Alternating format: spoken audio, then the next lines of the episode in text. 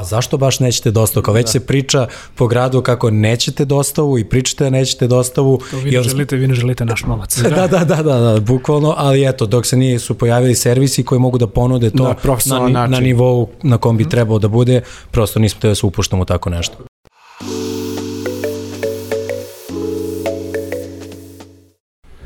Ćao ljudi, dobrodošli u još jednu epizodu netokracijenog Office Talks podcasta. Ukoliko još uvek niste, preplatite se na naš YouTube kanal, kliknite a, na zvonce kako bi dobili obaveštenje o novim epizodama. Takođe, a, naš podcast možete da pratite na audio platformama kao što su Apple Podcast, Google Podcast, Spotify i drugi. A, pre nego krenemo, a, jedan mali public state announcement ili ti obaveštenje. A, današnju epizodu podržala je kompanija Visa koja je nedavno lansirala jednu super stvar. U pitanju je platforma za podršku malom biznisu a, koja na jednom mestu obezbeđuje informacije i neke savete potrebne zapravo za razvoj vašeg malog biznisa. A, tu su naravno i različite besplatne edukacije, marketing podrška, consulting, a u okviru platforme možete da kreirate i besplatnu a, web prodavnicu. A, takođe, Visa obezbedila i posebne pogodnosti za svoje korisnike Visa Business kartica, a ukoliko više želite zapravo da čujete o ovom projektu, brzo na sajt visa.rs. A, Moji današnji gosti, dobrodošli momci, Hvala. su Stefan Lazar Lazarević i Mirko Lazarević, a, osnivači Burger House Bros. Verujem da ovaj, su naši slušalci i gledalci zapravo upoznati sa, sa, vašim, ovaj, a, sa vašim delom. A, dve osobe koje su negde možda, ajde rećemo ovako, i najzasluženije za popularizaciju burger kulture u, u, u Beogradu, a, ali isto tako i preduzetnici koji su, da kažem, svoj biznis pokrenuli potpuno od nule. Momci, pre svega dobrodošli. A, današnju epizodu ćemo negde koncipirati o tome zapravo da čujemo neka vaša ono kao preduzetnička iskustva, pričat ćemo malo o nekim aktuelnostima u, u ovo doba pandemije, ali ajde pre nego što krenemo sa svim tim stvarima, ovaj, kako je nastao Burger House? Često postavljeno pitanje i, i ovaj, dosta često odgovaramo na to. Ovaj, krenulo je 2013. Ovaj, uz neke, od neke, kažem, spontane ideje. Ovaj, na, ja sam tad bio na masteru i za svoj master rad sam izabrao temu razvoj biznis plana za razvoj restorana, tako da jedno dva meseca istraživanja je bilo ovaj, u, u, u tom periodu i ovaj, nakon toga smo uvideli u stvari da postoji realna potreba na tržištu i da, da ne postoji ništa što ovaj, ne postoji taj segment burgera koji smo mi hteli da napravimo i otišli smo ovaj, u Chicago, gde smo i rođeni i tamo smo pokupali dosta opreme, našli smo lokal, to jest dok sam pisao master rad, profesor tadašnji ovaj, mi je naterao da pr nađem prave uh, variable, a ne da izmišljam podatke, tako da mi je rekao da moram da nađem lokal neki da ovaj, pronađem u stvari realnu cenu zakupa Tako da sam išao po gradu i naišao na Nikole Spasića da je pisalo lokal se izdaje, pozvao na telefon da bi pitao za cenu da bi stavio master rad. Ovaj, tako da brzo posle toga smo u stvari posle mesec dana smo zvali vlasnika i rekli da hoćemo da zakupimo i prvih šest meseci nam je to bila kancelarija. Tako da od januara do jula ovaj, smo umesto lokala koji sad, ovaj, koji sad ljudi vide, tu je bio jedan sto sa, sa osam stolica i onda smo tu, ovaj, da kažem, osmišljavali sve, testirali i tako dalje. Da, sedeli i brainstormovali. Brainstormovali, tako je. A reci mi, znači, pomenuli ste pre svega da ste rođeni ovaj, u Čikagu, prepostavljam da ste bili izloženi nekim različitim prosto ono kulturološkim stvarima, odakle svakako i, i dolazi ta neka ovaj burger, burger kultura. A koliko je za vas, da kažem, bilo važno to neko formativno iskustvo da zapravo budete izloženi tako tim nekim stvarima i opet kao koja je bila ta neka ideja da takvu jedno onako stvar koja je bukvalno, da kažemo, ono, cornerstone ili ti kamen temeljac Amerike, to je onako veliki sočni burger, zapravo donesete a, i na svoj način nekako modifikujete i unapredite a, na lokalno tržište. Pa u suštini sve to što smo radili na početku je bilo, ajde da kažem, pre svega smo trebali da objasnimo ljudima šta je burger. I tu neku burger kulturu koju smo doneli je bilo dosta ispred vremena i mi smo prvih tri godine sigurno objašnjavali ljudima koja je razlika između burgera i pljeskavice. I ovaj, to je bio onako ozbiljan zadatak. Da, a koja je, koja je razlika? Da, kao koja je stvarno razlika. Ovaj, a, tako da to je, ajde da kažem, dosta smo vremena pro, posvetili ljudima, objašnjavajući im koja je razlika, šta je to što mi radimo, mi smo u početku i dalje ga imamo, ali sad je više to u nekom drugom planu, taj build your own burger concept što znači da se pravi burger po, po nekom vašem ukusu i ovaj, to ljudi, ajde da kažem, nisu bili sigurni kako to sve funkcioniše, tako da to je nešto što je, ajde da kažem, bilo u to vreme a, a, moderno i nešto popularno u Americi, a mi smo to sa tim krenuli. Tako da je trebalo dosta vremena da naviknemo ljude kako da prave svoje kombinacije po svojim nekim ukusima i tako dalje. To je što se tiče proizvoda, a što se tiče neki, neki drugi deo kulture koji smo doneli odande jeste samo usluga. Što smo hteli da a, pokažemo da zapravo usluga može da bude na mnogo većem nivou nego što jeste trenutno i da a, nekim svojim ajde da kažem sloganima kao što je gosti uvek u pravu, da to negde doprinesemo i prenesemo našim zaposlenima kako da se postaju prema ljudima, da svaka greška može da se ispravi, da negde svako ko dođe kod nas ode sa nekim iskustvom. Tako da je to neka kultura što se tiče i proizvoda i usluge koje smo videli tamo i smatrali da ima prostora kod nas na tržištu. E, I dodao bi što se tiče nas ovako lično, ovaj, taj neki te neke pozitivne stvari američke kulture su taj preduzetnički duh i samopouzdanje koje oni u tokom školovanja tamo nekako ti usade da, da ti možeš i da sve što želiš možeš da ostvariš, što neka čak može da bude i loša stvar, jer stvarno misliš da sve možeš da uradiš, ovaj, tako da nekako kad smo krenuli, mi nismo uopšte razmišljali o tome da li ćemo uspeti ili nećemo, nego jednostavno imali smo ideju i bili smo sigurni, to, i sigurni u to da, ćemo, da će naša ideja da uspe. Da, nismo razmišljali da, da postoji opcija da to ne uspe, prosto smo dali toliko ono sebe da u, u, uložili smo se 110% u tu našu ideju i i, i, i tu smo i pre sve to nekako se to i osetilo kod naših gostiju jer smo i mi prenosili našu priču, zašto to radimo, kako radimo, šta stoji iza toga. I nije novac bio o, faktor. faktor koji da. nam je, zbog kog smo ušli u, u posao i zbog ideja je bila da napravimo najbolji burger i domaći pomfrit i da podignemo na uslugu u, u Beogradu na više nivo. To su bili baš onako teški zadaci koji, za koje neke treba i 10 godina da, da postignemo, radimo, da. ali prosto nije ideja primarna bila da zaradimo novac. Da. A kažeš zapravo da ste se dali u, u ovaj biznis onako 110, 150% ovaj, ovaj sebe. A, koliko vam je na početku, koliko je danas zapravo, da kažem, taj, taj posao lakši ili, ili teži možda čak, koliko u početku bilo izazovno da ti dođeš i da zapravo objasniš onako prosečnom nekom korisniku ko možda navikao na pljeskavicu ili može li da proba nešto drugačije, koliko mu je zapravo bilo, ovaj, koliko je teško bilo da mu objasniš takav koncept da ovo nije nešto što ne može da košta neku cenu kao što je na primjer neka pljeskavica ispred nekog kioska da je ovo ipak proizvod koji je ono vrhunskog kvaliteta, koji mora biti skuplji gde prosto, prosto čitava priča iza toga. Koliko vam je taj moment bio težak na samom početku ili izazovan, ajde tako da, da kažem? Pa taj moment postoji i dalje, ovaj, gde, gde prosto za taj, uh, ovo tržiš, tržište je tako da je kupovna moć uh, ograničena i niža nego na, na ovaj, drugim tržištima oko nas, tako da mi se stalno ovaj, imamo problem sa tim da ne možemo sa cenama da odemo do nivoa do kog bi trebali da odemo, ovaj, ali je mnogo bitnije od toga kako se taj uh, proizvod plasira nekome ko, ko, ko dolazi tu. Nama inicijalna ideja bila burger joint, to smo uradili u Nikole Spasića, tako da ljudi su ovde i dalje razvrstavaju restorane u restorane i fast foodove, a između restorana i fast foodova postoji još mnogo koncepta za koje ljudi uopšte nisu svesni. Tako da neki burger joint koncept koji vidim da ti razumeš jer si ga pominjao često, je mesto gde ljudi dolaze da jedu burger, pomfrit, popiju pivo, zadržavaju se 25 minuta, spremni su to da plate dosta, ali nemaju problem s tim što to košta dosta. Međutim, na ovom tržištu ljudi traže više od toga i taj servis i usluga je u Evropi generalno mnogo bitnija nego u Americi. Nije samo do Srbije. Tako, nama je trebalo dosta vremena da, da to shvatimo, ali neki koncept koji ovaj, želimo sada da širimo je taj fast casual koncept i to je spoj između fast fooda i casual restorana. Da kažem, to je neka, neki, neki balans da ti možeš da dođeš da pojedeš nešto što je jako kvalitetno, a dobiješ to mnogo brže i to košta manje nego restoran, a daleko je od fast fooda. Da, strava.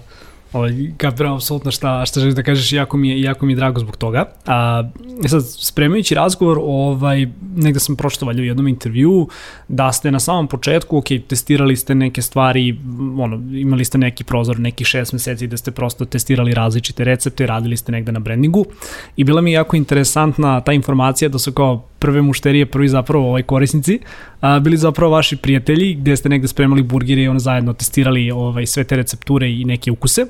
A, koliko je na početku bitan taj feedback drugih ljudi, pa neka su to čak i ljudi iz kao tvog okruženja koji ti negde nužno neće reći he, ovo je strava, nego možda imati neku zamirku, ali koliko je taj feedback bitan i koliko negde za preduzetnika koji pravi jedan ovakav proizvod, pa dobro, možda čak ne mora da bude ni u fizičkom obliku, ali a, koliko je bitno realno biti iskren na početku ovaj, kada daješ nekom feedback i opet da prihvatiš taj feedback ovaj, baš kako treba. Pa mislim da je to jako bitno. Mi smo u početku ovaj, uh, sa prijateljima razvijeli, da kažem, celokupan proizvod, testirali mnogo puta, davali im neke ankete da popunjavaju šta je nama bilo bitno, jer kada mi pitamo nekog, i mislim, to i dan danas radimo, mi kada ubacujemo neki novi proizvod, to traje poprilično ovaj, duži vremenski period, 2, 3, 5 meseci, zavisi šta radimo, ovaj, na primjer sad na ovom prethodnom miniju koji smo novi ubacili, smo radili uh, dobrih 9-10 meseci dok nismo apsolutno bili sigurni u to što radimo. Na samom početku smo svaki sos, svaki burger, svaki shake, sve smo ono i pitamo ljude najiskrenije i recite nam pre svega što vam se ne dopada više nego što vam se dopada jer je to ono uh, smatramo taj iskreni feedback i ta konstruktivna, konstruktivna kritika je najvažnija. Tako da bez takvog feedbacka i iskren odgovor od ljudi, prosto ne možeš da unaprediš neki proizvod i ovako dobiješ tačno šta možeš da unaprediš da bi taj proizvod bio još bolji. Mm -hmm. A samo treba voditi računa o jednom paradoksu koji se javlja, a to je da kada pitaš ljude šta žele, žele najbolji mogući kvalitet za najmanje para. Tako da mnogo je značajnije to po pitanju, jer smo mi to radili na početku i tako da. smo i formirali, da kažem, neke cene ovaj, koje su bile mnogo niže nego što su sada, ovaj, ali je jako bitno anketirati i pitati što se tiče ukusa. Tako da to je negde na, ono na što treba da se fokusira. Da, strava.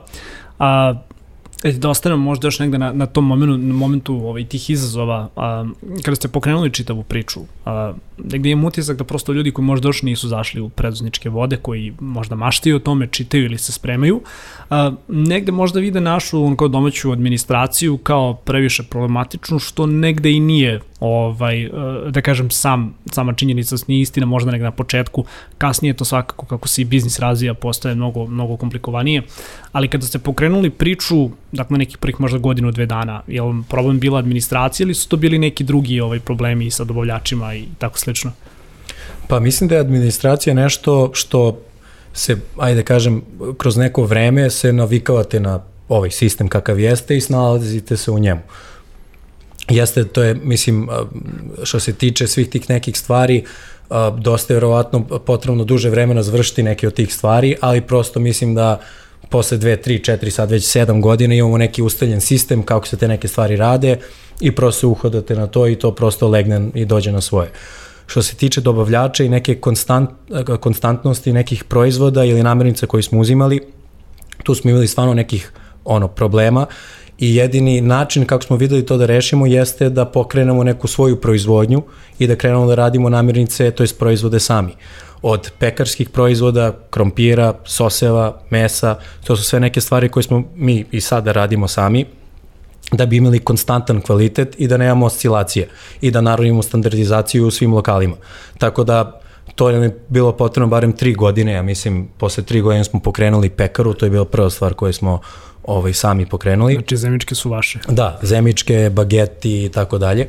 Ovaj, a, to sobstvena ovaj, proizvodnja krompira, znači pomfrit nam je od svežeg krompira, a, sosevi, pravimo svoj domaći majonez i ovaj, većinu soseva od 13-14 soseva koliko imamo, 10 pravimo sami.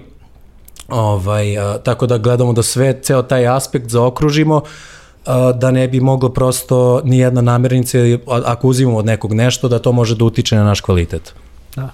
To je opet neki, da kažem, mislim, evo, sad sumiraš sve te stvari, to je ono, bukvalno dobrih pa 7-8 godina da, da ste došli zapravo do, do tog ovaj, momenta. Tako je, da. tako je. Da. I nama je bio veliki izazov to što smo bili pioniri u tom segmentu i onda šta god da tražiš nekome, ovaj, ne znaš šta mu tražiš, ovaj, od opreme i do obuke namirnica. zaposlenih do namirnica i, i prosto šta god da smo šta god da mi je trebalo za proizvod, bilo je, ovaj, bilo je teško nabaviti.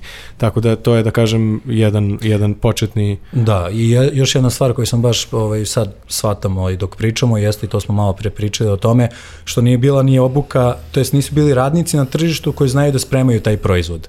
Pre svega kuvari kojih sad ima, koji su radili u burger restoranima po gradu, pa su negde upoznati sa tim proizvodom. Znači, to je bila mm -hmm. još jedna prepreka na samom startu, o kojoj nismo ni razmišljali da mi treba da obučavamo e, ljude za neki proizvod koji do tad nikada nisu spremali. Tako je to je bio neki izazov na početku I isto. To je jedan pravac i to je taj, da kažem, pionirski pravac. A ovaj mm. drugi pravac koji dosta novih preduzetnika mogu sad da, koji ako neko razmišlja da pokrene neku ideju, a to je nešto što već postoji na tržištu, onda je izazov diferencirati taj proizvod. Tako da ovaj, sada neko ako hoće napravi burger, jako je teško da, da naravno uvek postoji prostora za još ovaj, neki, da kažem, pod segment burgera, ali, ali je to isto nije lak zadatak. Da. A, koliko vam je s jedne strane pomoglo to što se definitivno ta burger kultura, ajde rećemo u Beogradu ovako dosta, dosta razvila, a koliko mi je to s jedne strane pomoglo opet da može dođete do, do neke opreme lakše, možda su sada, ono, kažem, uvoznici ili proizvođači opreme krenuli da, da prosto prepoznaju ovaj segment, koliko mi je pomoglo u rekru, ono, regrutovanju novih ljudi, a, i koliko mi je pomoglo negde u samoj korisničkoj bazi, ono, jer kao vi niste jedini, ono, kao prvi jeste, ali niste jedini i definitivno ta kultura sada, sada raste to nam je dosta pomoglo zato što ljudi imaju sa čim da uporede u tom smislu, jer uh, ako smo mi jedini na tržištu i, i nudimo proizvod određenog kvaliteta za, kvaliteta za određenu cenu, oni nemaju sa čim da uporede i ne mogu da odu negde drugdje da vide da li je to dobro ili nije dobro. Kad su se pojavili još dosta ovaj mesta sa burgerima, što uključuje i jedno 250 restorana koji imaju burgere na svom meniju, jer niko pre 7 godina nije imao, a sad svaki treći restoran ima burger na svom meniju i to nam je pomoglo isto da oni vide u stvari uh, koliko je naš proizvod uh, kvalitetniji i svežiji, pošto nam je to, zašto, zašto smo mi baš specializovani za, za taj proizvod i za koju cenu mi možemo to da ponudimo. Tako da to nam je dosta značilo ovaj, za, za, za naš razvoj, da se razvije ceo, ceo, celo tržište ovaj, i, i jedan prijatelj baš ovaj, mi je nedavno pričao to, kaže nije više, ovaj, uh, nije više pričao da ćemo na večeru nego da ćemo na burger. Tako da to je stvarno onako pozitivna stvar. Da, to, to si baš jako lepo primetio. Ovaj, vidim ja sad kako, kako pričamo ovde da, da više to nije ni ono kao par joindova, nego da zapravo su i veliki restorani krenuli negde da vode burger kao tako baš je, posebno da, da, da. tako da, da, strava, strava. A, još jedna stvar koju sam Mirko hteo zapravo da te pitam, a, spremajući ovaj razgovor, nekada sam letao na informaciju da ste u početku, pa dobro, ne mogu da kažem u početku, i, i dalje to radite onako, bili ste prisutni na manifestacijama poput noćnog marketa, nekim onako događanjima u, u, u da kažemo i nekim ur, urbanijim džepovima i to je svakako zahtevalo dosta truda i dosta cimanja, jer kao ti kada ono dođeš na posao, ono da li radiš kao prvu ili drugu smenu, znači odradiš svoj posao koji imaš i onda negde zapravo sediš kompletnu proizvodnju i ono da kažem ulažeš neki dodatni trud da se pojaviš negde kako bi pokazao ili ti predočio svoj proizvod novim korisnicima. Koliko su vam takve manifestacije pomogle, Uh, dobro, sada smo malo da kažemo u periodu ovaj, pandemije, pa svakako nemamo, nemamo više ni toliko nekih javnih ukupljanja, ali koliko su vam eto pomogle i, i koliko je vama bilo izazovno da se cimate tih kao dodatnih 10-20% ovaj, u početku i koliko vam se isplatilo zapravo? Pa jako dobro pitanje, ovaj, pre svega što si primetio da, je, da su te sve manifestacije na naše standardno radno vreme još dodatno, još minimum 8 sati, znači za svaki catering mi gledamo u zavisnosti koliko traje, ali to je još jedna dodatna smena. Ovaj, to nam je padalo, ajde da kažem, fizički jako teško, jer smo mi prvih tri ili četiri godine, jel tako, smo... Da, čet, pe, čet, pet godina. Pa pet godina smo fizički nosili svu opremu, kako to izgleda iz naše proizvodnje, gde nam stoji dodatni roštilj, frižider, a, ceo šank drveni koji smo imali, fizički nosimo u kombi, utovarimo, mi, nas dvojice i naše kolege naravno, odame do lokacije, istovarimo, odradimo event, prodamo, ne znam, 300, 400, 500, negde i 600, 700 burgera, zavisi kako koji događaj, umorimo se, naravno, ja radim za roštiljem, on radi za prodaju, tu nas ima naravno četvoro, petro, nebitno, Na kraju tog dana to se završi... Mislim, sad je smešno, ali tad, da. nije, tad je Ne, ne, ne, verujem, verujem, verujem, daleko. Zavis- Lep je taj deo dok radiš, je lep, ali i čak i ovaj deo pre ovaj utovar nije toliko strašan, Da. jer imaš snage. Pa ne, znaš, ali, znaš kao, biti, biti preduzetnik ovaj, u Srbiji znači da nažalost Ne. možeš da znaš kao i administraciju poreza, ali da I moraš, moraš i- da moraš i da moraš, tegliš. moraš da budeš fizikalac, da. I, I to se završi u 11-12 noću, umorni ste, ovo ono, sve to se nekako spoji, onda utovari sve, iznosi, dešava se da završimo u 2-3 ujutru, a počeo je dan u 8. Tako da, to su neke stvari koje naravno, ovaj, mislim da su u tom na početku bile jako bitne za jačanje našeg brenda, što u tom momentu nismo shvatili to baš na taj način, nego smo bili, nama je bilo primarno ono što smo pričali ljudima jeste da zašto radimo te cateringe, radimo da bi na licu mesta mi mogli da ispričamo našu priču gde dođemo i kažemo naš burger, pravimo svoje zemičke, pravimo svoje soseve, pravimo svoj krompir i da dobiju taj burger ovaj, da bude što svežiji. I negde su nas i u to vreme pitali, nadovezat ćemo se kasnije na tu temu vezano za dostavu, da mi nismo hteli da radimo dostavu, su nas pitali konstantno za dostavu, svaki dan je bilo to pitanje. I mi smo rekli, ne, mi radimo cateringe, pa možete da dođete na catering i da probate tamo na licu mesta, jer je tako najsvežiji tako možemo predstaviti naš proizvod na naj, najbolji mogući način. Ovaj, a, mi smo kasnije shvatili da ne možemo više ni fizički ni psihički da izdržimo taj teret prenošenja opreme i uložili smo i kupili svoj food truck koji nam je doprineo opet jačanju brenda, a, fizički mnogo lakši posao, postigli smo bolje tehničke uslove, sanitarne uslove, opet i kad se pojavimo sa food truckom koji je izbrendiran, lepo izgleda unutra, uložili smo tu kuhinju, to je opet još jedan branding moment koji je jako bitan. Da, atrakcija je A, velika. da, jako velika atrakcija i ljudima je zanimljivo da da, da, da ga dovezemo da mogu da pojedu burger iz kamiona. iz kamiona, da, jako je to ovaj Što pozitivna je još stvar. jedna američka onako stvar. Da. Apsolutno. I nama je, mi pričamo s kolegama iz posla, da se bave burgerima i nekim drugim segmentima, govorim im kako je bilo super da se što više ljudi pokrene u tom pravcu food trucka i da se napravi neka asocijacija food truckova, da mi pravimo eventove sami, gde su samo food truckovi, gde mi možemo zajedno nastupamo, da ovi svi festivali kada razmišljaju o hrani, znaju da mogu kontaktiraju jedno mesto da ima asortiman hrane različite, ovaj, tako da to je stvarno jedan ozbiljan potencijal ovaj, što se tiče uh, samog tog cateringa i food truckova, a pored toga mislim da su nas naši gosti, a i ljudi generalno shvatili uh, kao brand zbog toga što smo bili prisutni na svakom događaju. Mi smo, ja mislim, u proseku radili od 30 do 50 eventova ovaj, po sezoni, a to je, mislim, sezona nije tokom cele godine, nego je od nekih aprila, od, u maju krene malo jače do septembra, znači za jako kratak period smo imali od 2 do 3 cateringa nedeljno, pored ovaj, našeg standardnog posla, tako da, A ove sezone jedan. Hm? Ove sezone smo jedan imali. da, ove sezone, da, ova sezona je, Došli ste, došli ste na ovaj, ono, preko, Odmorili preko, smo. preko zaslužen odbor. da, da, da, da, da, ovo smo odmorili ove sezone, E, definitivno. a reci mi, ovaj Mirko je pomenuo zapravo a, taj kao community ovaj, ugostitelja, ajde tako da kažem, a koliko je ta zajednica jaka i kao koliko vi komunicirate kao sa, ne, ne, ne kažem konkurencijom, ali kao koliko komunicirate sa kolegama iz industrije, koliko vam je negde bitno da opet budete zajedni i složni oko nekih stvari. Pa evo baš sad ovaj, pre tri meseca smo oformili asocijaciju ugostitelja, tako da je to nešto novo što smo pokrenuli. Ovaj, plan nam je da na raznim poljima da, ovaj, da da, da se svi udružimo i prosto da postoji neka platforma da mi možemo da razmenjujemo ideje i da onda tu platformu iskoristimo za komunikaciju, za poboljšanje regulative, zakona i tako dalje.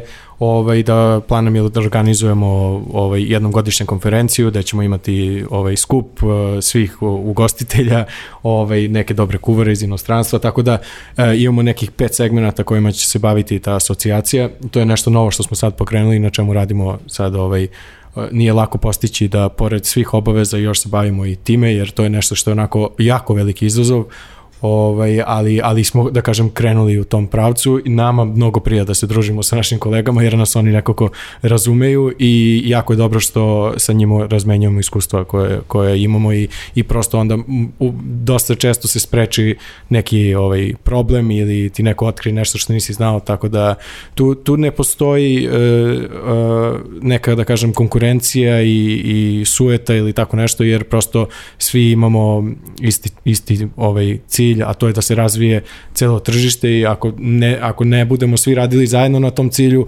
ne može niko pojedinačno da, da uspe i da ode, ako prosto tržište bude ovde, mo, da. moramo svi udruženo da radimo na tome. Da, kao jaki ste koliko je najslabija karika Tako i kao je. bolje da, da budete zajedno. Strava, svaka čast, svaka čast na, hvala, na tome. Hvala. A, sledeći segment koji bih negde hteo da otvorim, a, tiče se možda društvenih mreža i generalno, da kažem, nekog digitalnog nastupa. A, Inače, kao prva naša kancelarija, prva ovaj, kancelarija netokracije je baš bila u a, tam kod Kofine, ja sad sam zaboravio ulicu, Gračanička, Gračanička da, da, pa 18, tako da smo, tako da smo baš da kažem, bili, bili da, komšije da, da. i ovaj, u tom nekom periodu smo onako baš bili strastveni, ovaj, uh, strastveni posetioci, posetioci da. haosa. Ali kao, zapravo sam za brand prvi put ovaj, ono, saznao na Instagramu, znaš, i negde čitav te moment, ok, onako, društvene mreže, pogotovo Instagram, je prepla, su preplavile fotke ovaj, klope i ti kada vidiš jedan ono kao burger koji je, ne mora čak ni da bude onako lepo aranžiran, znaš, kao za, za nekakav billboard da se slika, to prosto izgleda onako kao mnogo, mnogo, da. mnogo ukusno. E sad, mene zanima, ok, svakako razvijajući brendi i ulažući malo više i truda i, i, i resursa u to da se kreira Burger House kao, kao ime, e, primetio sam i može da se vidi izuzetno dobar i kreativan taj neki onako digitalan nastup.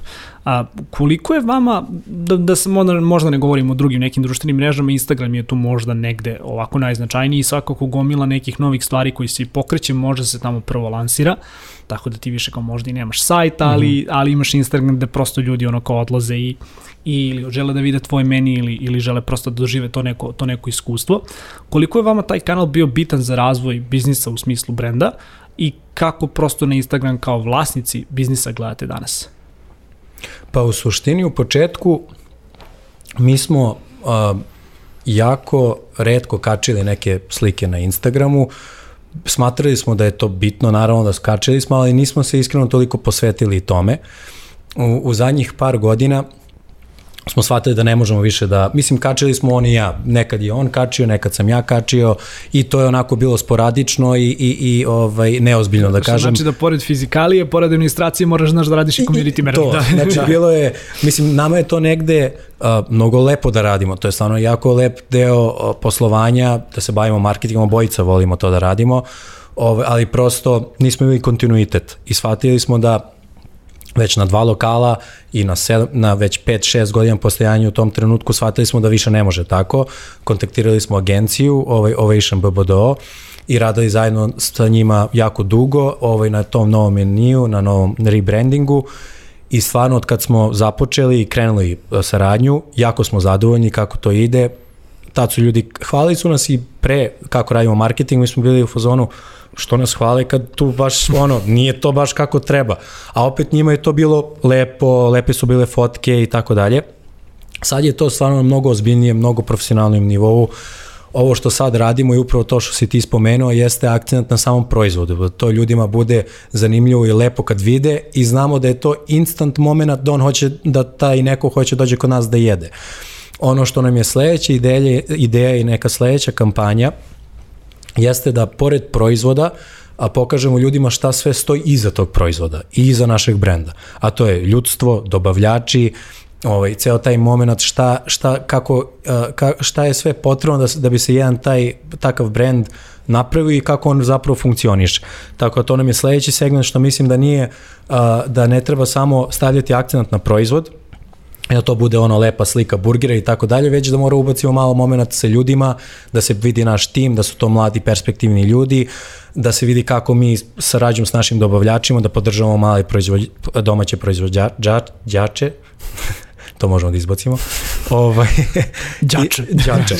I, ovaj, I zapravo šta, ajde da kažem šta sve stoji iza, naše, iza našeg truda i mislim da je ljudima onako možda bude i monotono, da samo budu slike proizvoda, proizvod, proizvod, već da malo napravimo neku dinamiku u tome i da osvežimo taj feed i tu, tu će se negde doprinati da uh, uh, razmišljanje od ljudi bude, ok, imaju super proizvod, ali pored proizvoda rade još uh, super što podržavaju ovaj, domaću privredu, super što podržavaju mlade ljude i tako dalje. Tako da mislim to je neki dodatni segment kojim hoćemo da se pozabavimo. I tu nam je Ovation dosta pomogao da u stvari oni su nam, ovaj, njihov je predlog bio da uradimo rebranding i da ovaj, promenimo iz Burger House-a u Burger House Bros, zato što kad smo bili u nekoj spašći, kad smo imali jedan lokal, naš dvojica smo stalno bili tu i onda ljudi koji su nekako najviše voleli naš brand su bili ljudi koji su nas dvojicu upoznali, jer nije se moglo se desiti da neko uđe u lokal, a da mi ne pitamo jeste prvi put ovde, jel znate ko smo mi i da im ispričamo celu priču. A kada sad to se širi na dve, tri, četiri lokacije, prosto ne možemo mi da budemo tu u svakom momentu, a opet je bitno da oni shvate da je to bratska priča i da tu postoji neki porodični moment i da je nama ono što mi pravimo gostima je nešto što mi pravimo isto što bi napravili u svojoj kući i prosto ne bi nikad dali gostu nešto što nije ono najbolje moguće kao kad neko dođe kod nas u kući u, u goste. Tako da ovaj taj taj momenat gde smo ubacili taj bros, mislimo da nam je dosta onako pomoglo da shvatimo ono mi gde koji pravac želimo da ovaj da nastavimo. Da. Znaš kako, dosta, dosta negde komuniciramo kao sa, sa IT kompanijama, sa kao velikim kompanijama koje negde isto tako pokušavaju da zapravo oslikaju taj moment, ali mi je jako drago što evo, bukvalno slušam priču vas dvojici i totalno, totalno zamišljam ovaj, tu scenu, da ne kažem se možda kao čak i, i u onom filmu o tome kako je nastao McDonald's, da, da si da. kao imao dva, dva burazara koji su pokrenuli čitavu priču, ali definitivno taj neki moment gde ćeš prosto ljudima dati kao behind the scenes ovaj pristup da vide da to nije samo proizvod i da se ne komunicira samo proizvod i taj moment kao kupi, kupi, kupi za pare, pare, pare, već zapravo da postoji jedna daleko veća priča, smislenija priča i nešto što ono, nije nastalo preko noći, već jedno 7-8 godina zapravo, zapravo to gradite. A, strava, bravo. A, ali hajde da ostanemo opet negde u tom ono kao domenu, domenu digitala. Uh, kada ukucaš opet kao Burger House Pros, Burger House, ono kao poznati brand, uh, naravno izađe kao sajt, izađe druge neke stvari, izađe mi TripAdvisor, koji negde kad god smo radili neku priču vezano za, za ugostiteljstvo, mi je uvijek TripAdvisor bio kao stvar koja je negde popularna možda u svetu, kod nas možda malo manje, ali svakako jako bitan alat kako bi ti pozicionirao svoj burger joint ili ti svoje neko mesto, svoj neki restoran u BG-u i to negde imam neke informacije da je baš ovako dosta popularno kod stranaca. A, ne znam koliko ste vi vremena ili ono resursa kao uložili u zapravo kreiranje ili ti održavanje te neke zajednice, ali htio heto da vas pitam kao da li vam je taj ono servis bitan, da li nešto radite po pitanju toga, ono, da li vam je bitniji opet za neke strance koji možda dolaze ovde u Beograd pa žele prosto da probaju nešto na što su navikli kod kuće, ali sa, sa malo drugačijim twistom. Pa, možeš ti, ajde. Pa, za strance je najbitnije. U principu naša, da. mislim, domaća publika ne koristi toliko tip TripAdvisor, koriste kad otputuju negde. Mi smo na početku ono i odgovarali, pratili, čak smo jedno vreme da, uh, delili vizitke u svom lokalu. Na vizici je bilo na, s prednje strane logo, sa druge strane je bilo uh, uh, rate us on TripAdvisor i verujem da je dosta ljudi zbog toga ako su ovaj, zadovoljni, ako naravno, ste da. zadovoljni da. ili niste, svejedno na, no. ocenite nas na TripAdvisor, tako smo tu dobili dosta veliki broj, da kažem, uh, komentara, komentara da, da, da. S tim što je algoritam na TripAdvisoru takav da kada si nov restoran, on te plasira visoko i onda je uh, što više imaš reviewova, on te negde gura dole. Tako da ni, nije baš prednost da imaš prevelik broj reviewova, zato što onda ovi što imaju recimo 10 reviewova po 5 zvezdica budu 10 a nas gurne malo dole, ali opet ima nekih kategorija, tako da uspevaju stranci da nas nađu i dosta stranaca nam kaže da su nas našli preko TripAdvisora, da su čitali reviewove. E sad, to što mi svaki loš review, uh, to nas zaboli nekako kad dobijemo loš review, ovaj, to ipak gosti potencijalni znaju da prosto niko nije savršen i ne da. možeš da imaš 100% dobrih reviewova desi se neka određena situacija i bude po neki loš review, samo treba odgovoriti i videti da se, probati da se to više, da kažem, ne ponovi. Tako da definitivno nam zna, znači ovaj platforma, ali u poslednjih dve, tri godine moramo priznamo da se ne bojimo toliko ovaj TripAdvisorom. Da, da, da, on toku, radi da. svoj posao sam od da. sebe. E, a htio još pitati, zapravo si otvorio jedno super pitanje, ovaj, super temu. Uh, a kada se suočiš, znači uložio si krv, suze i znoj u svoj proizvod i suočiš se sa tim da prosto, ono koliko ljudi, toliko čudi, ne može prosto svako da da bude zadovoljan sa onim što ti kreiraš. Prosto ljudi su drugačiji.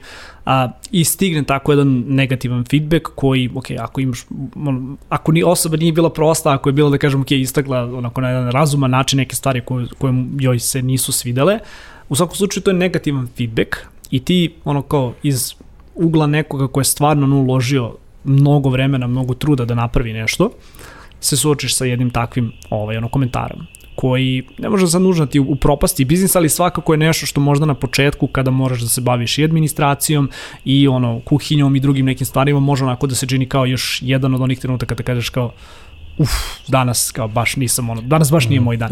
Kako reaguješ na početku sa tim Da. stvarima i da li se vremenom negde možda ovaj da li možda vremenom negde shvatiš da ono, ne- razviješ nekakav sistem kako da se, ne ne kažem, možda boriš sa tim stvarima, ali kako da se bolje nosiš sa, sa tim stvarima? To treba gledati kao, mislim, mi to gledamo kao priliku za uh, kada, neko, kada neki gost uh, da takav review, ne uvek, ali uglavnom, on, uh, naročito ako je neko ko je, ko je inače naš korisnik duže vreme, To, je, to znači da njega nešto pogodilo što smo mi uradili i to mi ne gledamo kao nužno lošu stvar, više gledamo to kao priliku da tog nekog da tu situaciju iskoristimo da preokrenemo tog gosta u još većeg fana. I uglavnom uspevamo u tome. Koliko god to zvučalo malo ovako da, Da. da kažem čudno često imamo te situacije gde gost uzme i napiše naš skoro jedan gost je napisao mail onako baš i se naljutio i ovaj i ja sam odvojio jedno dva sata da mu odgovorim na, na mail i objasnio mu do, do, ono, celu našu priču, zašto je to tako, zašto su te cene takve, zašto je takav kvalitet, zašto ovo. I, I on je meni odgovorio, skroz je promenio stav i ponudili smo da uvek ponudimo tim ljudima uh, da dođu, da ako treba mi da se upoznamo s njima, da sednemo i da popričamo s njima, da im objasnimo zašto je to tako, da probaju burger, ako su loše ispečen, da im damo novi burger, da ih častimo nešto, uvek ponudimo besplatan burger i pomfrit ili tako nešto. Tako da u, u većini slučajeva uspemo da preokrenemo tog gosta da kaže, e, ono, svaka čast, nisam očekivao da, da ću da uopšte, ono, iz ove cijele situacije da ispadne nešto dobro. I mi se nekad iznenadimo, ali... Da, postoje, postoje neke tehnike, znači, e, postoje neke tehnike na koje smo mi istraživali i razvijali u datim situacijama kad dobijemo negativan feedback, da li je to preko platforme ili dobijamo direktno od gosta u restoranu. Mi smo to prvo, ajde kažem, učili mi kako da reagujemo na te situacije i postoji određena, ajde kažem, način kako se te uh, situacije rešavaju. I mi imamo to na našim ovaj, obukama, gde radimo sa svojim zaposlenima, šta tačno treba da urade ako dođe do neke greške gde to što je i Stefan rekao, znači mi uh, objašnjamo da ne može da se desi neka loša situacija, a da se ona ne preokrene. Znači od svakog nezadovoljnog gosta može se napraviti lojalna mušterija. I to je definitivno tako, samo zavisi koliko ćete vi truda uložiti u tu interakciju da, da ispravite taj problem. Uh, za početak, uh, uh, gost koji se žali i koji ulože neku svoju žalbu je nam odmah prilika uh, prvo da se zahvalim, prvo da se izvinimo, drugo da se zahvalim što nam je ukazao i dao priliku da ispravimo tu grešku. Jer mnogi Jer- ne daju tu priliku uopšte. Da, jer mnogi nek- samo kažu kao to je to. Ili Ili samo- Neću više da da, dođem samo- i onda priča uh, drugim, drugim ljudima, i to ima najgora lančani, opcija. to ima lančani efekat, tako da prvo treba se zahvaliti gostu što je uopšte dao priliku i da kaže šta nije u redu, da bi mi tu grešku ispravili. Ako taj gost ne kaže ništa, to je mnogo gora varijanta, tako da mi zato objašnjamo našim zaposlenima to je super prilika da im pokažemo kako mi u tim situacijama reagujemo i koji, na koji način mi njima stavljamo do znanja da su u pravu, uvek su u pravu i kako ćemo mi sada nadomestimo a, a, taj, a, tu lošu situaciju koju su imali. Tako da stvarno radimo na tome ovaj, i to stvarno pokazuje jako dobre rezultate. Druga stvar, jeste što će uvek neko pre ostaviti negativnu kritiku nego pozitivnu. I to smo videli po našim ovaj, ocenama, naravno ima pozitivnih, ali pre svega kad neko nije zadovoljan će ostaviti pozitiv, negativan komentar, a kad je neko zadovoljan prosto neće izdvojiti vreme, redko će izdvojiti vreme da ostavi pozitivan. Mi smo razmišljali na koji način da stimulišemo zadovoljne ljude, razmišljali smo o tome dugo i ovaj, a, hteli smo, ajde da kažem, kroz neki mali poklon od nas, da stimulišemo ljude da to ovaj da ostave pozitivnu ocenu. Nismo mogli to formulišemo, pa smo naravno sa agencijom ovaj, i sa ljudima koji su stvarno sjajni i kreativni došli do odličnog rešenja.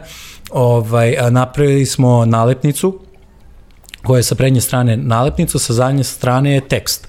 I tu su napisali, ne znam, imamo dve varijante. E, šaljemo dva sosa ovaj, u nadi da ćeš nas oceniti ovaj, na ne, negde, da nam kažeš da li si zadovoljan, nisi da. zadovoljan na nekoj od... Na donesi ili Google donesi platformi, ili platformi, ali da. tipa ima jedna kao uh, varijanta, kao morate da idete u opštinu, da overite u sudu, da doneseš za ličnu kartu, o, uh, taguješ nas na Instagramu, Facebooku, oko 4% i kao šalimo se, nismo u tom fazonu. Tu su već sosevi kao. Da, da. Šalimo se, nismo u tom fazonu, kao cenite nas ako vam nije teško i to je to. Tako smo našli neku, aj kažem, zabavan način kako stimulišemo te ljude i, ovaj, i stvarno rezultat je bio fenomenalan. Mi smo, ovaj, ne znam, odštampali 500 tih nalepnica, potrošili smo ih kroz 2 do 3, 4 dana, dobili smo za te, ta 3 dana redno 30 pozitivnih ocena.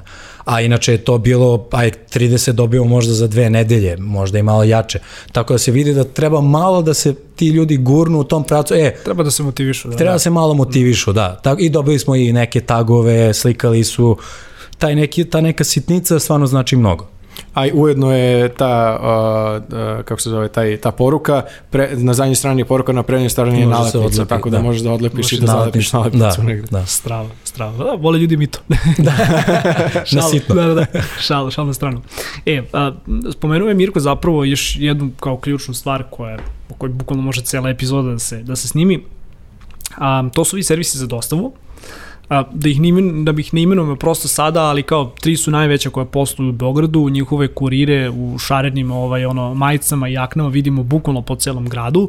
I to je nešto što kao proteklih godinu i po dve dana, ako tako mogu da kažem, je baš onako uzelo mah u BG-u i kao strava, znaš, kao i naručujemo mi ovde u firmi i, i verujem da je negde opet s jedne strane olakšano zapravo ono, restoranima poput vašeg ili ti, ono, jointu poput vašeg, da se ne fokusira na tu logistiku, već zapravo ti ima mogućnost dostavu uz nekakav ono, third party service. A, želim da mi ono, ispričate malo više o tome kao zašto u početku zapravo niste imali dostavu i koliko vam je ovaj model saradnje pomogao, a s druge strane koliko vam je on bio bitan u daljem razvoju svog poslovanja, ne znam da možete da govorite o tome o procentima nekim, ali kao pretpostavljam da je taj ono, moment eh, gde neko zapravo preko servisa naručuje vašu klopu, dosta bitan u nekom procentualnom smislu za, za vaš biznis. Pa ko hoće prvi. da, evo ti možeš. Ovaj, uh, mi nismo teli dugo da radimo dostavu zbog uh, uh, same logistike dostave. Mnogo je teško organizovati 10 vozača, gde će tih 10 vozača da sedi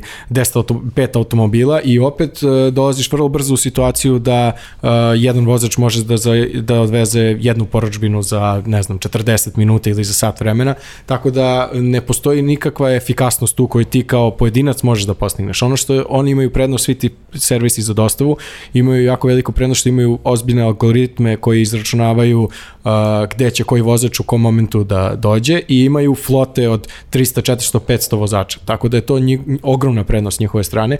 Mi nikad nismo mogli da prihvatimo da, ne, da neko naroči burger i da burger stigne za sat vremena, prosečno. I više, to ranije i više. je bilo sat, sat i po sigurno. Nama je sad negde oko 29 minuta, 29-30 minuta nam je prosečno vreme dostaje, s tim što je to uh, moment, to, to se računa od momenta kada gost naroči dok stigne, a sama hrana se vozi od, da kažem, od 8-9 do 12-14 minuta. U to, to su neka prosječna vremena. I to je neko vreme gde hrana, one, e, ako vozač čeka u tom momentu, i, a uglavnom čeka poručbinu, on uzima tu poručbinu i nosi do klijenta. I za 10-15 minuta naša hrana može da istoleriše. I da kažem, to je, kad smo mi shvatili da postoji ta mogućnost da hrana putuje do gosta 15 minuta, a da mi nemamo veze s tim da je to outsourcovano, ovaj, to je moment kad smo mi prihvatili da, da uopšte krenemo da radimo dostavu. To je bilo pre nekih godinu i po dana. I stvarno smo imali neverovatne rezultate, ali pet godina pre toga smo imali 10 puta dnevno nazove neko na telefon i pita kada imate dostavu, zašto nemate dostavu i mi nemamo, dođite ako hoćete, uzmite. I to je to već je vaša... postao, postao neka priča i uvek su, mislim i ljudi ovako sa strane i čak i u nekim intervjuima tad davno bili kao, a zašto baš nećete dostavu? Kao već da. se priča po gradu kako nećete dostavu i pričate da nećete dostavu. Kao vi ne želite, vi ne želite naš novac. da, da, da, da, da, bukvalno, ali eto, dok se nije su pojavili servisi koji mogu da ponude to da, na, na nivou na kom bi trebao da bude, prosto nismo te da se upuštamo tako nešto. Tako da, tako da ovaj, što se tiče uh, same te saradnje, jako smo zadovoljni. Ovaj, tokom vanrednog stanja nam je veliki deo prometa bio upravo preko servisa, ovaj, tako da nije bilo toga, ovaj, bili bi dosta lošije situaciji. Uh, tu ne postoji neka prevelika mogućnost da, da se, da kažem, ne može to da bude primarni posao, to uvek mora da bude sa strane ovaj, neki dodatni promet, ovaj, koji je zapravo neki, da kažem, incremental i mi posmatramo to kao jednu kupca koji dođe na kraju meseca i kupi ogromnu količinu proizvoda, ali nam je primarni posao ovaj, u lokalu. Mada ono da. e, stalno skače i mi gledamo ono to, pratimo da to ne zauzme jer nije nam u interesu da nam 70% prometa bude dosta, jer prosto onda nema taj experience i bolji je proizvod kad se konzumira nakon minut nakon što se pripremi. Ali zbog brzog načina života, e, svi niko nema to, svi imaju sve manje vremena za, za to, prosto daje mogućnost da, da se konzumira šta god, pošto ima po 500 restorana na platformi, ovaj, u trenutku kad, kad ti odgovara, tako da je sjajna stvar. A svakako i kada dođeš kod vas negde dođeš i kao kupuješ, pored samog proizvoda, kupuješ i iskustvo. Ono što je meni bilo fascinantno, baš smo nedavno radili priču sa, sa kolegama, i, i da kažem iz vaše industrije, momci koji su uzeli i napravili restoran koji apsolutno obslužuje samo potrebe ovaj, znači na dostave. Nemaš čak Dark se kuhinju kitchen, Dark kitchen, da. da. Dark kitchen. A Dark Kitchen koncept mi je kao totalno, totalno ono otvorio ovaj, ono kao vidike na to šta je zapravo moguće i koliko ova industrija se brzo razvija i koliko zapravo da kažemo ono i uz te neke servise za dostavu i, i, i naš način da živimo jednostavno u, ono ubrzanim životom da ću kao radije da preko aplikacije naručim ono da mi stigne burger nego da dođem iskreno se nadam da neće ono da neće posao u tom segmentu narasti toliko jer i dalje volim da dođem da sednem i da popijem Naravno. dobro kraft pivo i da pojedem onako Tako jedan, je, da, to nema juicy, preko- juicy burger toga nažalost Da. nema nema preko aplikacije ali mi je kao fascinantno u, u, u kom, Kom pravcu, ovaj, da. u kom pravcu se prosto razvija razvija industrija. E sad, spomenuo si i da su vam ti servisi za dostavu onako dosta pomogli prilikom pandemije. E, Svesni smo svi negde ove situacije da, da je prosto ugostiteljima bilo izuzetno teško, da su negde ovaj prvi pogođeni i baš mi je drago što, što i sarađujete sa, sa malim proizvođačima širom Srbije jer su oni kao još jedna karika prosto u tom lancu bili isto tako pogođeni i naravno ono kao poziv za sve slušalce i gledaoce ne samo da dođu kod vas nego da dođu i kod kolega jer kao sad je period kada, Tako je, negde, tako je, da. kada negde čitava pomoć, industrija da. treba da se da se oporavi. A kao ko ne voli ovaj, Da. ukusan burger. A, zanima me znači kao došlo je to neko vanredno stanje, ljudi su svakako ovaj, onako bili možda više zatvoreni kućama, naručivali jesu, ali opet to je negde da kažem samo bio udar na, na biznis. Kako u tim momentima reaguješ po principu, ok, da li se, ono, da li menjaš neke stvari, da li se prilagođavaš novo naslovoj situaciji ili jednostavno kažeš, ok, sedimo, ono, čekamo da prosto čitava stvar prođe, da se malo situacija poboljša. Jeste vi radili neke stvari drugačije u tom nekom periodu kako bi se što brže prilagodili datoj situaciji? Pa, morali smo, ovaj, mi smo tad u trenutku kad je krenulo vanredno stanje imali smo jedan servis za dostavu, drugog dana smo imali tri. Tako da odmah smo videli da je prosto narednih 2-3 meseca će morati ovaj, tako da, da, da se radi. A, prilagođavanje Uh, bilo je na dnevnom nivou prilagođavanje od štampanja dozvola do onih uh, vo, vozili smo radnike imamo skoro 30 imamo Da. ta u tom momentu je 30 ljudi radilo Da. I, I nismo nikog otpustili, već smo uzeli, na primjer, konobare koji su u tom trenutku nisu imali posao jer lokal nije radio, samo za dostavu ovo, i za poneti, onda smo njih uposlili da a, voze radnike po drugim lokalima Jer nije i našli bilo smo. prevoza, tako da. Da. je onda to, tako da svaki dan je bilo ono ustanem ujutru i kao šta će danas da bude i onda prilagođavanje taj dan Na dnevnom nivou, na, da. na dnevnom nivou, da. Tako da bilo je, bilo je Da. Svaka, svaka čast, odlična, odlična Da. ideja. To je, to je taj Mhm. ključ ono predsednički mindset, da je prosto naš kao failure is not an option. Da, da, da popadnem ne mogu, moram samo da, da inoviram i da, i da radim stvari Mhm. malo drugačije. Dobro, momci, a, stigu smo mi malo pred kraj, imamo još par pitanja. Mhm. Ali htio da, da vas pitam, obzirom da, da kao i sponsor ove epizode kompanija Visa, koja je nedavno pokrenula jednu super stvar, u pitanju platforma za, za podršku malom biznisu, koja opet negde predstavlja svojevrsnu bazu znanja, ali jedan servis gde biznisi poput vašeg, pa čak i, i, i manji koji su možda nedavno pokrenuti, mogu zapravo da pronađu neke korisne informacije, neke savete, čak i podršku ovaj za, za marketing, za consulting, za chat botove, mogu da napravi ono kao besplatan web shop, što je zaista super stvar. A, kako kao već dvojica a, iskusnik, da ne kažem na engleskom seasoned, get it, seasoned, Da, da, da. seasoned ovaj, preduzetnika, kako vas dvojica zapravo gledate na ovakvu jednu stvar? A, da li bi vam bilo lakše da ste pre ono, 8-9 godina kada ste pokretali priču imali možda pristup takvim nekim informacijama i da li se negde možda ta lestvica za ulazak u svet preduzetništva o kome danas toliko slušamo pomerila ka boljem? Mislim da apsolutno jeste. Ovo je stvarno stvar koju su napravili, koja je za nekog ko tek kreće u posao, može da se edukuje pre svega za neke stvari koje inače uh, mi pre 8 godina kad smo kretali nismo imali kome da se obratimo ovaj, i da ne kažemo o tom i nekom financijskom smislu, gde su te besplatni web shopovi gde neko može da ti objasni i da pročitaš na jednom mestu kako se sve to radi, tako da definitivno da se ovakav servis razvio pre 8, 7, 8 godina kad smo mi kretali bi nama stvarno bilo od značaja. I, I uvek su saveti, ovaj, dobri saveti su skupi, tako da ovaj, na jednom mestu napraviti platformu gde postoji uh, toliko informacije i saveta je svakako odlična stvar za, za, za, svak, za preduzetnike. Mi generalno svima koji hoće da pokrenu biznis uvek kažemo pitajte kolege, znači pitajte nekog, niko neće, niko ne čuva to za sebe, da, da će vam sigurno dosta informacija besplatno koje će vam baš dosta značiti, tako da je ovo, ovaj, da kažem, odlična, super, odlična... Super stvar na jednom mestu gde može da se dobiju dobre informacije. A i kao većina dobrih saveta, realno su udaljeni samo jedan poziv, jedan dobar burger i jedno pivo. Strava. A, koji su, evo za kraj, koji su negde kao sledeći planovi za Burger House? Mislim, trenutno smo i dalje u ovoj neko ono u nekom stanju gde prosto ne znamo, ne znamo šta, da šta će se desiti, stiže kao i ta jesen, neki predvidio da će možda situacija biti bolja, lošija, u svakom slučaju nema možda negde nužno perspektive za ono, mala i srednja preduzeća u ovom trenutku, ali tu smo kao, plivamo. A, koji su vaši planovi?